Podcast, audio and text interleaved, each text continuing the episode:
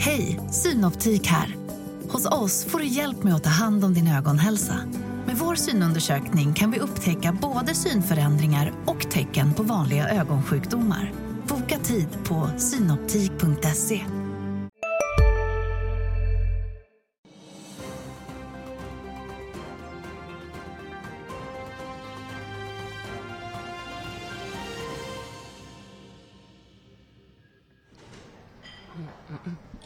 God morgon och välkomna till Börsmorgon denna torsdag morgon den 14 september som idag faktiskt har bytt lokaler. Som ni ser så befinner vi oss idag på Paretos hälsovårdskonferens. Stockholmsbörsen ser ut att öppna i sidled. I USA så var det ju små rörelser igår när marknaden smälte eh, de eh, starkare inflationssiffrorna i USA mot förväntningarna om att Fed lämnar räntan oförändrad vid nästa veckas möte.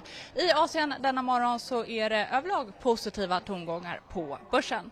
Och då givet dagens spelplats eh, så har vi något av ett tema i programmet där vi bland annat kommer att prata finansiering inom biotech, framtiden för Caliditas efter FDA-godkännandet och om läkemedelsbolaget vars värde nu gått om Danmarks BNP. För en liten stund sedan fick vi också inflationen i Sverige som föll mer än väntat i augusti. Mer om det blir det efter klockan nio. Och här vid min sida Helt Invest förvaltare Astrid Samuelsson. Välkommen hit. Mm, tack så mycket. Och sen efter klockan nio så gästas vi också av Thomas eh, von Kock som är tidigare VD för riskkapitalbolaget EQT samt storägare och numera tillförordnad VD i Bactiguard. Astrid, vi börjar eh, i marknaden. Det har varit lite slagigt på Stockholmsbörsen. Hur ser det ut i hälsovårdssektorn? Mm, till att börja med så är hälsovårdssektorn en global sektor så det är mycket USA eh, och även Europa och Japan ska man komma ihåg också. Men eh, year to date så är det relativt flat faktiskt. Eh, sen om man sitter i Sverige så har vi ju fått valutahjälp eh, Mm. vi eh, som jag förvaltar en eh, svensk eh, hälsovårdsfond. Eh, sen är det stora skillnader mellan delsektorer. Läkemedelssektorn har tuffat på. Där spelar ju Novo en stor roll och även Eli Lilly som är största konkurrenten där. Eh, lite blandat för medtech, eller rätt hyggligt. Eh, betydligt tuffare för det vi kallar för toolsektorn. Det är de som gör alla instrument och verktyg för att göra läkemedel. Och där har vi fått en vinstvarning. Eh, danska medicinteknikbolaget Cho- Chemometec eh, väntar sig en omsättning på 400 till 435 miljoner danska eh, 2023-2024. Vad, är det här bara ett tecken i tiden? Man kan säga att eh, Chemometic är bara en i raden utav toolsbolag som har vinstvarnat. Och, ehm, det, är en, det är en lång historia varför de har det lite tufft. En del handlar om covid, ehm, men en del handlar också om det här med finansiering utav mindre bolag. För de här bolagen säljer också till de här bolagen som forskar mycket. Får de eh, inte in lika mycket kapital så kan de inte spendera på alla de här instrumenten och provrör och sånt. Så inte överraskande att den här vinstvarningen kommer. Jag är inte jätteförvånad faktiskt. Men och, eh, vi har ju sett en eh, ändå stor lite slagighet i, i biotech också där liksom det negativa har fått tolkningsföreträde. Är det baserat på liksom finansieringen att, att det är tufft för de mindre bolagen? Mm-hmm. Nej, men vi har ju en ganska lång period av ett väldigt negativt klimat för de här mindre biotechbolagen och, och det, häng, det är ju egentligen hopkopplat som du säger till eh, liksom den tajtare finansieringssituationen. Um, men jag tycker ändå att det här ljusnar just vad gäller hur man behandlar nyheter. Jag tycker nog man får betalt för goda nyheter. Vi har ju sett bolag som har gått upp flera hundra procent i USA när det har kommit riktigt bra resultat. Så att det är inte, visst man eh, liksom letar och liksom i små detaljer men är det riktigt bra så får, kan man få betalt också. Mm. Men så Eh, för, eh, nu blev det lite hoppigt här men jag tänker att om vi liksom stannar kvar vid finansiering och så.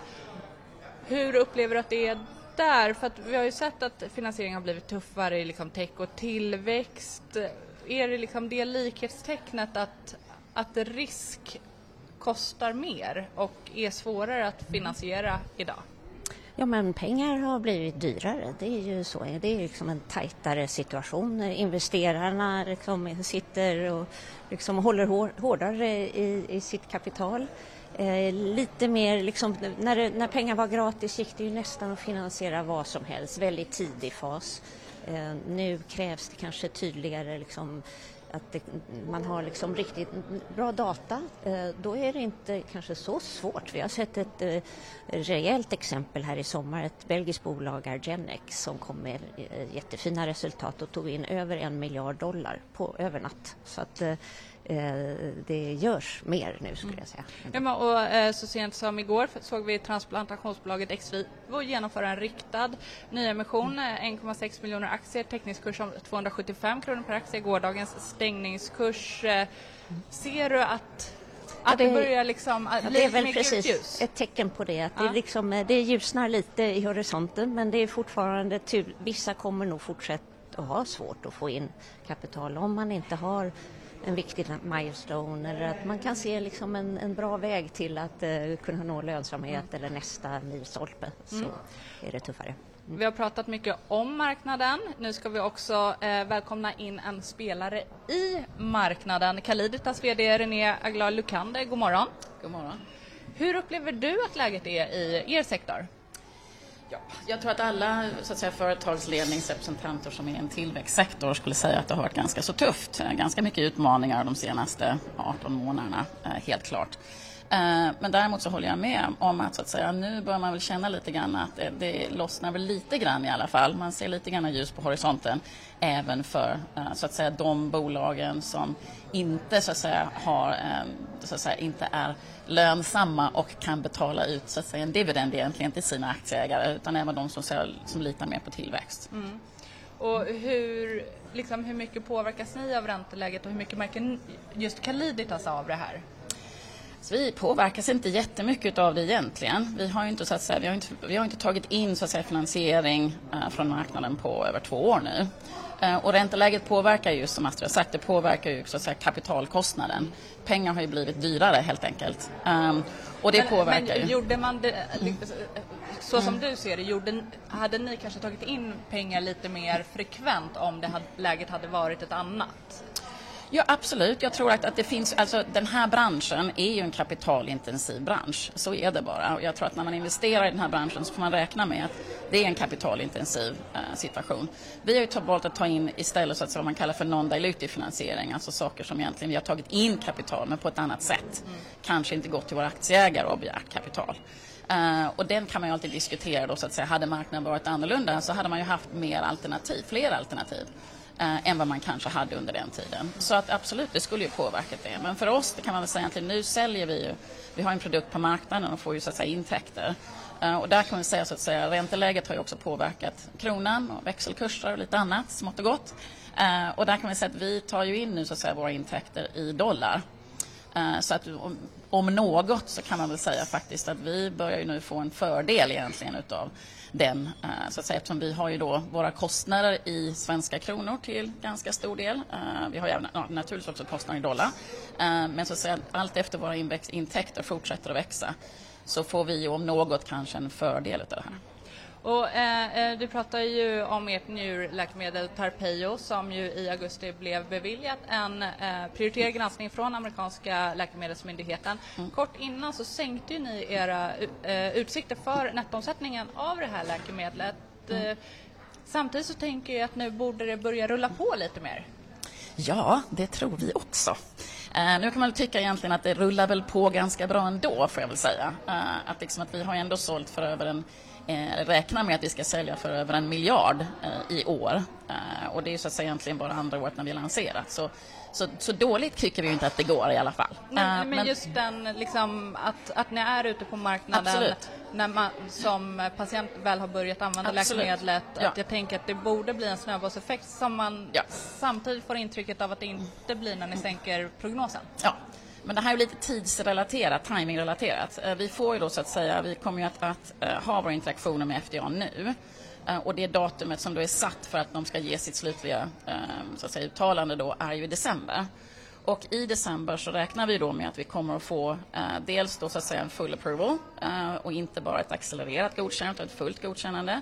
Att vi, det kommer så att säga då att, att täcka hela populationen, inte bara en subgrupp som vi har idag.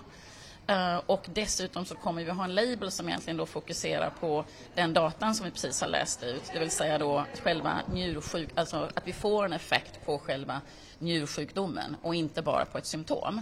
Så vi kommer ju att vara det enda bolaget eh, då så att säga som kommer att kunna kommersialisera på det här.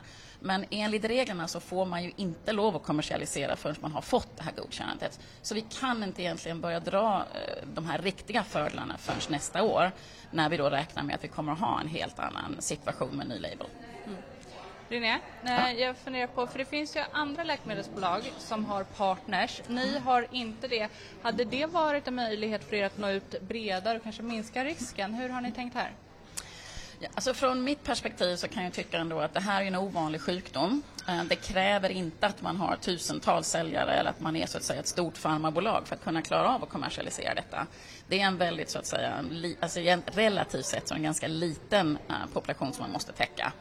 Uh, och på det sättet så tror jag faktiskt från ett aktieägarperspektiv och avkastningsperspektiv så tror jag att absolut att göra det själv i USA, uh, eh, även om det kanske är komplicerat i början, Eh, så tror vi i alla fall att det har gett betydligt bättre avkastning för aktieägarna än att göra en partnerskap.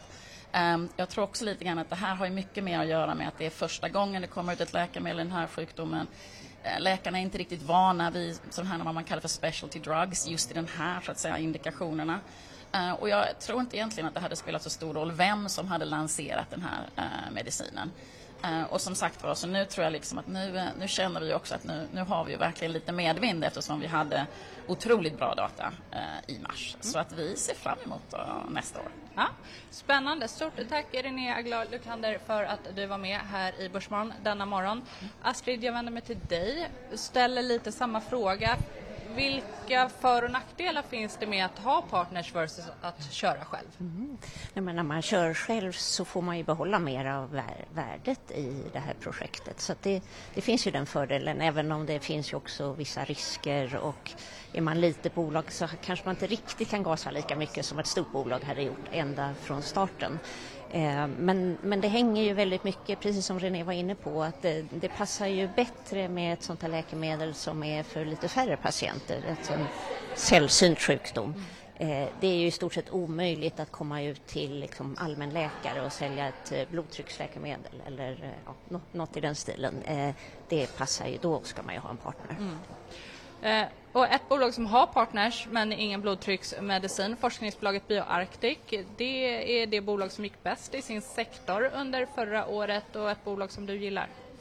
Ja, men eh, jag tycker det är ändå roligt att lyfta fram BioArctic för det är ju ett av ganska få. Där har vi ju Callitas som har nått hela vägen till marknad med ett läkemedel som nu är fullt godkänt i USA Eh, och den, det godkännandet kom i somras, så det här är en ganska ny händelse.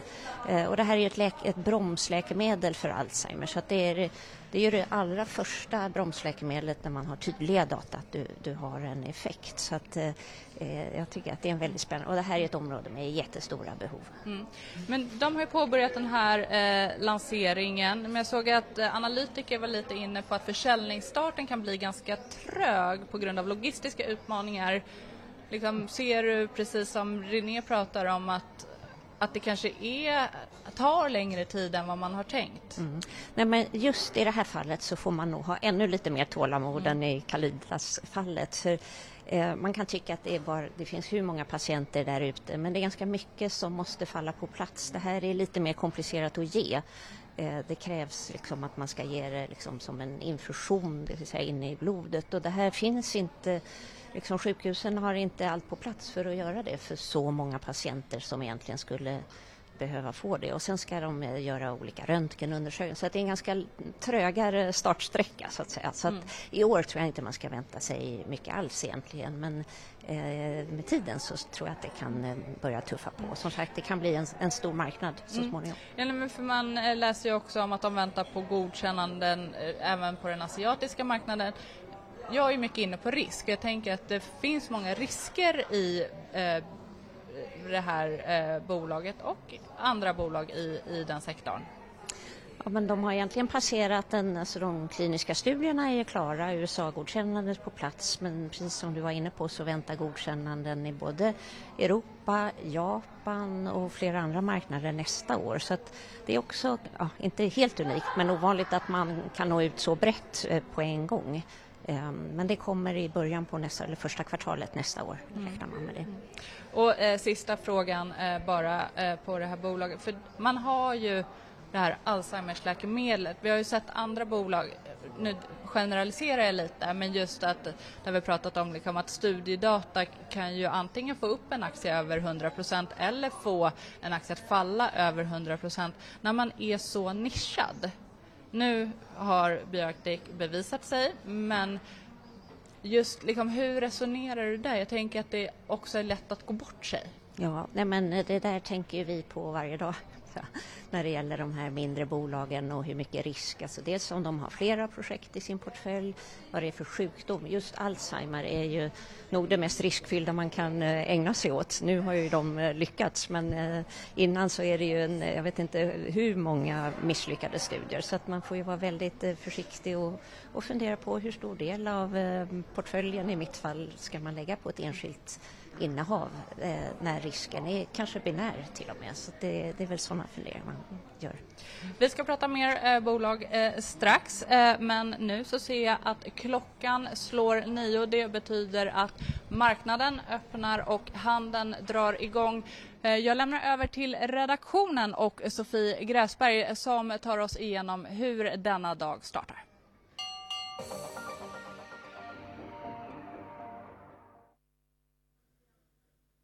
Ja, det ser ut att bli en avvaktande morgon på Stockholmsbörsen som öppnar lite i sidled. Om vi tittar på storbolagsindex så ser vi att vi har Boliden i toppen som stiger 1 och även Getinge rör sig där uppe uppe i toppen. I botten däremot så har vi Sandvik och Alfa Laval. Och vi har ju lite bolagsnyheter att gå igenom idag. Jag tänker att vi börjar med transplantationsbolaget Exvivo som vill ta in 440 miljoner kronor i en riktad emission. Och pengarna ska bland annat användas till förberedelser inför kliniska prövningen i USA för bolagets hjärtpreservatorteknologi. Och vi ser nu på morgonen precis vid börsöppning så stiger den aktien nästan 3% Vi fortsätter med takteknik försäkringsbolaget Nordic Waterproofings. Deras största ägare Kingspan har köpt ytterligare 1,6 miljoner aktier i bolaget för 160 kronor per aktie, vilket motsvarar en premie på nära 14 procent. Och där har jag inget avslut ännu, så vi fortsätter till Backaheden som stiger 0,7 procent. Stenhus Fastigheter har förvärvat 1,1 miljoner aktier i Backaheden och passerat gränsen för budplikt, det vill säga 30% ägande av bolaget.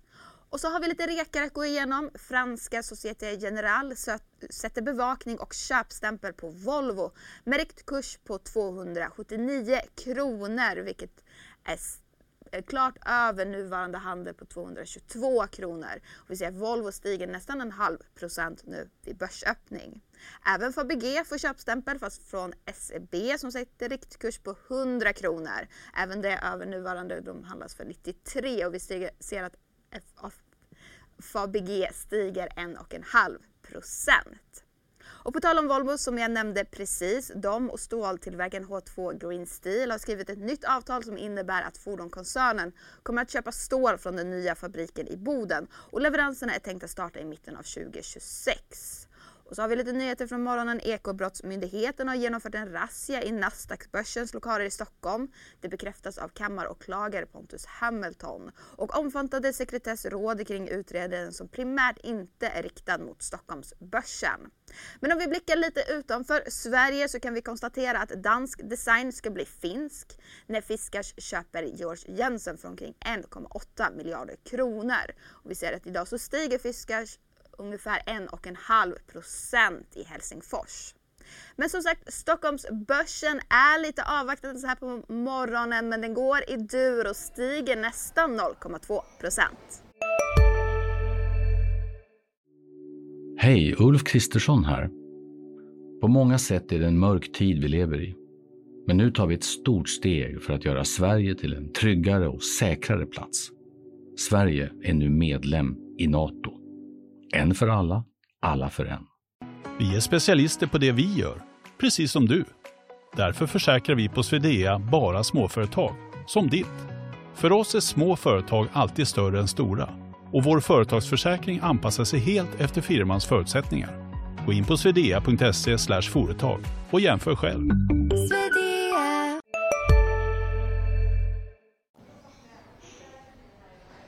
Stort tack för det Sofie. Vi stämmer av lite senare och ser hur det här utvecklar sig. Och jag tar fasta på det du sa men vill stanna i Danmark faktiskt. För Astrid Samuelsson, du har ju en global portfölj och eh, ett bolag som väl faktiskt har varit på alla släppar eh, det här året, Novo Nordisk, eh, trots att börsklimatet upp 43 procent i år. Mm, stämmer. Riktig raket i det här annars kanske lite trötta klimatet i, liksom man tittar bredare hälsovård. Sen ska vi inte glömma det amerikanska bolaget Eli Lilly som faktiskt är upp ännu mer. Så mm. att, Eh, ja. ja. Jag vill hålla mig lite mer på hemmamarknaderna. Novo Nordisk har ju eh, fått eh, godkänt för sin diabetesmedicin och försäljningen där har tagit fart. Eh, pratar mycket om liksom, fetmaläkemedel och att det här då, liksom, att de snarare har svårt att leverera till sina kunder. Men ser du att de här framgångarna har någon beröring på de nordiska bolagen? Mm. Nej, men, eh, som du var inne på, den här obesitasmarknaden håller ju på och utvecklas till förmodligen en av de största läkemedelsmarknader som vi har sett. Vi talar ju om tal som över 100 miljarder dollar och kanske ännu mer.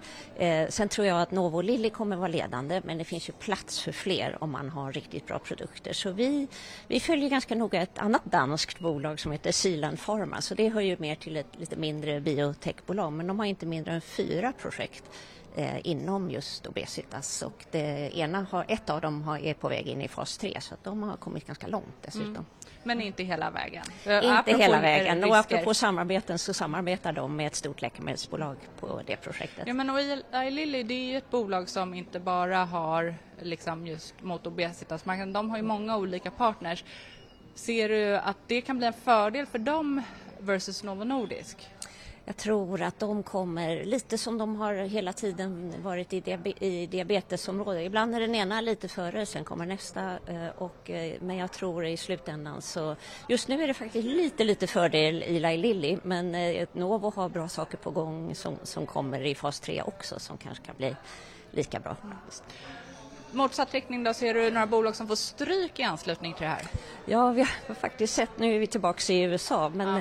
eh, i och med att, vi, att behandla obesitas kan också ge effekt på andra sjukdomar som hjärt-kärlsjukdom och man har förhoppning att man ska få färre fall med diabetes och det har drabbat eh, medtechbolag som är fokuserade på diabetes. De, som säljer eh, insulinpumpar eller blodsockermätare så att vi pratar bolag som Dexcom och Insulet framförallt. Mm de har fått stryk. Ja, eh, en sektor och bolag att fortsätta hålla koll på och se hur det här utvecklar sig. Stort tack Astrid Samuelsson för att du har varit med i Börsmorgon denna morgon. Mm, tack så mycket.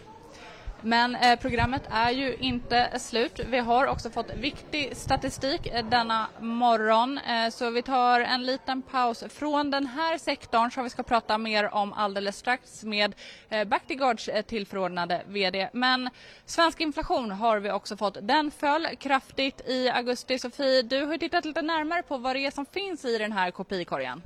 Ja precis, den underliggande inflationen kom ju in på 4,7 procent att jämföra med väntade 4,9 procent. Och priserna på livsmedel och el sjönk i augusti.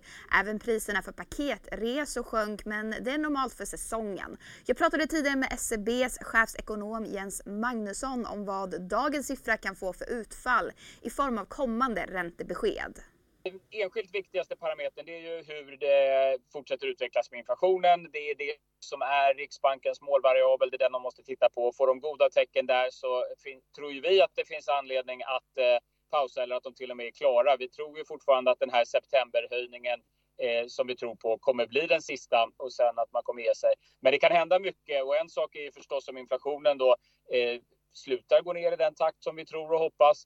Eh, en annan är ju om det blir väldigt eh, hökaktiga signaler från andra centralbanker. Till exempel så får vi ju ECB nu i eftermiddag. Det blir ju superintressant att se hur de resonerar. Och det är klart att skulle de vara väldigt hökaktiga och signalera att man tänker både höja nu, vilket vi inte tror, men om de gör det, eh, och signalerar att det blir fler höjningar framöver, då kan naturligtvis Riksbanken ta intryck av det också och kanske bli mer aggressiva i sin räntesättning. Så att det finns mycket som spelar in. Ja, så lät det när Jens Magnusson gästade i morse, SEBs chefsekonom. Hela intervjun med honom hittar ni som alltid på di.tv. Och medan han pratade så har vi fått in en ny gäst här i Börsmorgon. Thomas von Kock, tillförordnad VD på Bactiguard. Välkommen hit! Många kanske också eh, känner igen dig som den tidigare EQT-VDn. Vi ska prata mer om liksom, marknad och så senare, men vi börjar i Bactiguard mm. som utvecklar och producerar infektionshämmande katetrar för urin, luft och blodvägar. Ni vinstvarnade i andra kvartalet. Du var långt ifrån nöjd. Hur ser det ut för bolaget nu? Som jag sa i andra kvartalet så dessvärre så blir tredje kvartalet också väldigt tufft för oss. Eh, vår största kund har en jättestor lagerjustering. Den är ur systemet efter Q3 men eh, Q3 blir grisigt. Mm. Och eh, jag tänker att det här också lite är ett skäl till varför ni nu är i en strategiomläggning. Ja, ja. ja delvis är det. Vi har sålt egna produkter som du sa. Eh, men vi, det problem vi ska adressera är att det säljs produkter för ungefär 100 miljarder dollar varje år som är okotade. Eh, och varför okotade produkter är farliga produkter Sitter de i kroppen mer än två dagar så skapas det bakterier och då skapas det infektioner. Vi vill adressera 100 miljarder dollar-marknaden istället för att sälja produkter in i en 2 miljarder dollar-marknad. Eh, det här är ett jätteproblem. Folk vet inte riktigt om det. 5 miljoner människor dog 2019 enligt WHO av multiresistenta bakterier. 7 miljoner dog av covid. Så det är problemet och det blir värre och det kommer hit. Och där tänker jag att eh, du tänker att Bactiguard spelar en viktig roll. Ja. Men just det här då att ni vill lägga fokus på licensieringen, ja. är det för att det är där du ser att intäkterna finns? Precis, och där kan vi nå patient. Eh, vi har väl 20 säljare själva och det kan inte täcka hela världen. Vi måste täcka hela världen och det gör vi genom partners. Mm, mm. Vi har pratat mycket om partners här i programmet, eh, men eh, Andreas Göransson som lämnade vd-posten just för att fokusera på den här licensieringsfokuset, eh, han har nu lämnat bolaget. Ja. Varför? Men också ja. vad, vad, innebär det då för, liksom, för er del att nå det målet? Eh, Anders gick ju ner som vd till divisionschef det är ett svårt steg att ta eh, och Anders och jag pratade om det och så det fungerade inte. Eh, har egentligen inte att göra med vår nya inriktning att göra. Vi kommer gå full fart mot licens. Eh, jag har kollegor i USA nu som träffar massa amerikanska multinationella företag. Så att det, fokus är helt klart. Mm. Och, och, när, när är ni på banan då? När är du nöjd?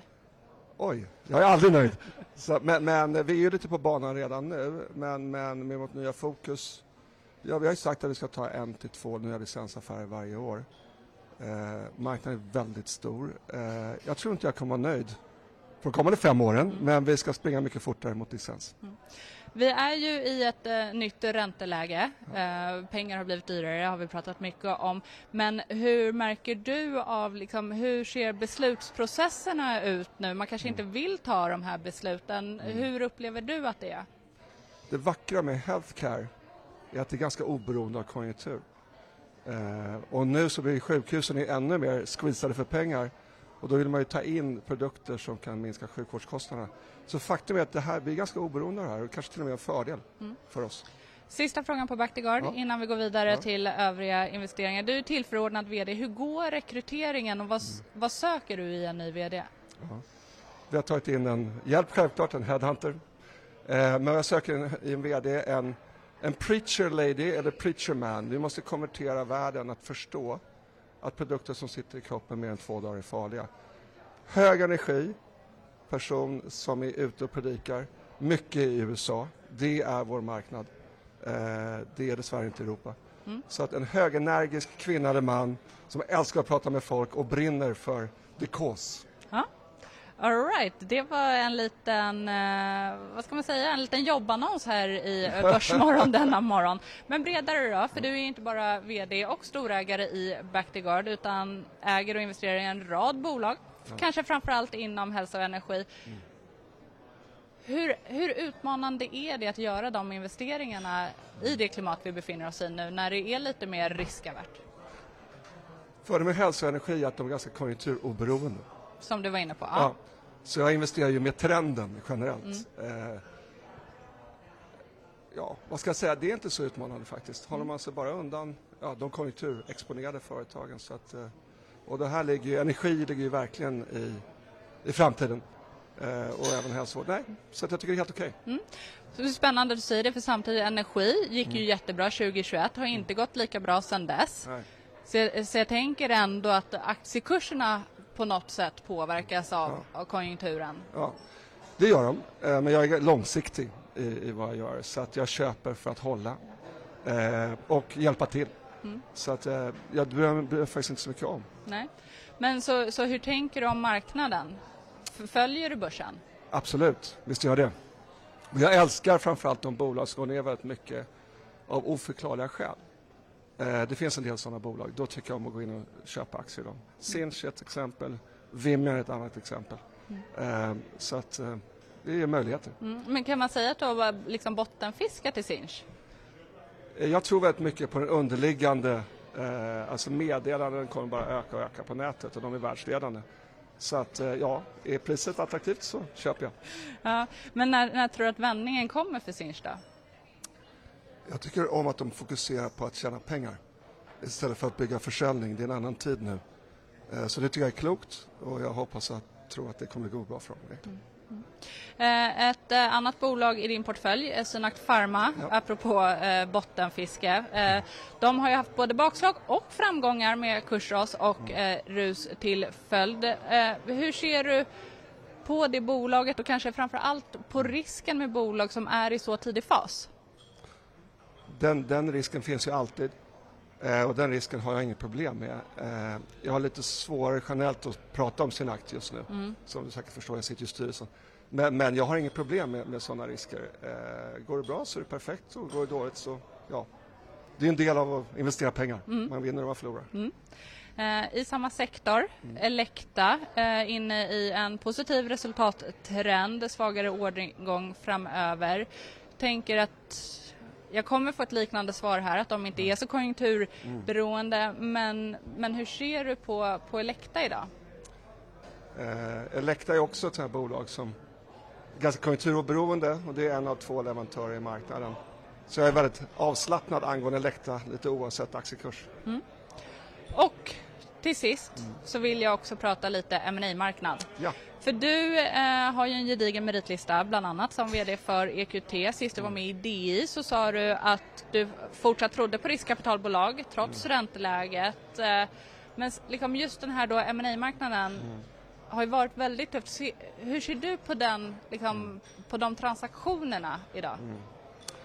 Mm. ma marknaden är lite som eh, bostadsrättsmarknaden. Att vi är inne i korrigering av räntor. Det skapar väldigt mycket osäkerhet och det här är inte annorlunda. Eh, jag tror att den kommer igång när vi börjar se lite hur det ser ut när dimmorna lättar. Var landar räntorna? Så tror jag att den kommer igång.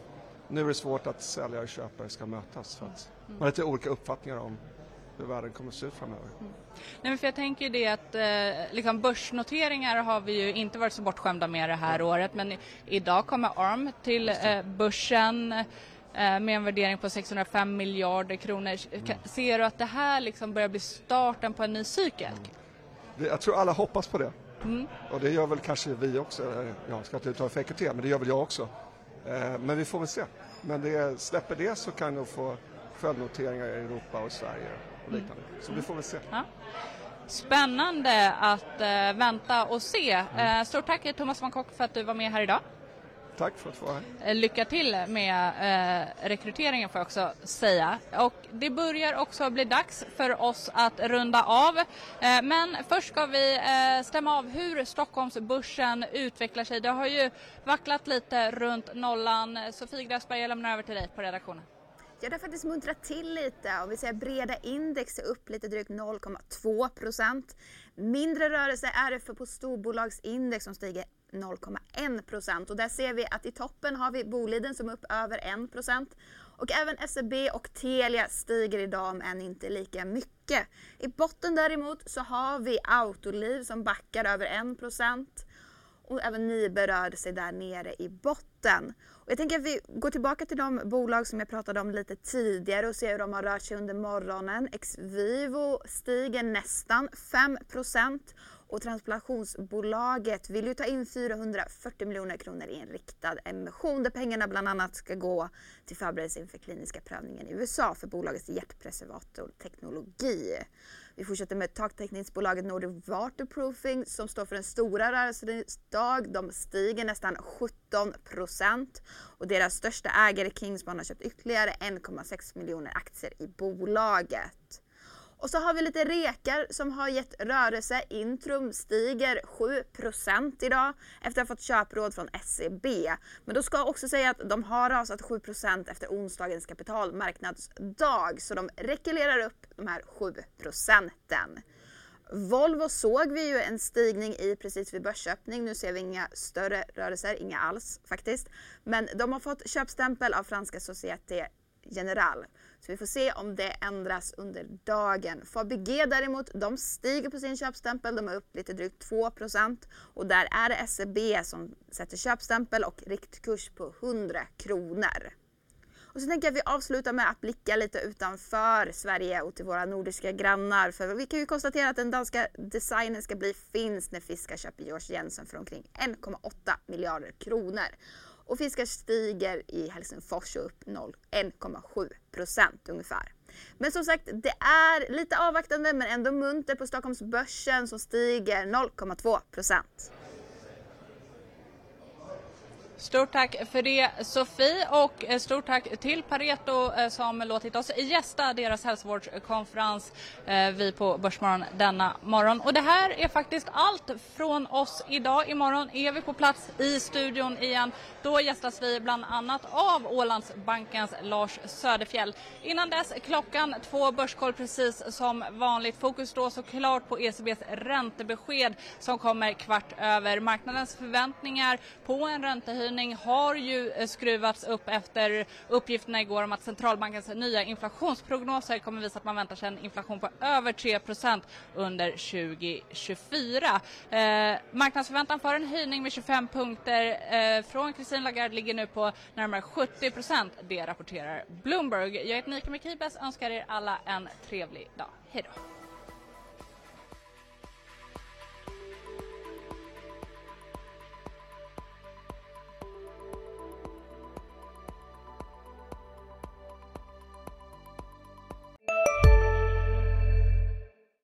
Hej, Susanne Axel här. När du gör som jag och listar dig på en av Krys vårdcentraler får du en fast läkarkontakt som kan din sjukdomshistoria. Du får träffa erfarna specialister, tillgång till lättakuten och så kan du chatta med vårdpersonalen. Så gör ditt viktigaste val idag, lista dig hos Kry. Ska några små tassar flytta in hos dig? Hos Trygg Hansa får din valp eller kattunge 25% rabatt på försäkringen första året. Läs mer och teckna djurförsäkringen på trygghansa.se. Trygg Hansa, trygghet för livet.